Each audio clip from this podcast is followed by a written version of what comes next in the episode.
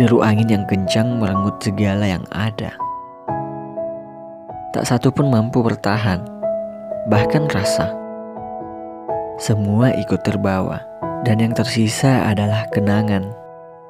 Tenggelam di dasar samudra yang dalam setiap deburnya menyebut hanya satu nama.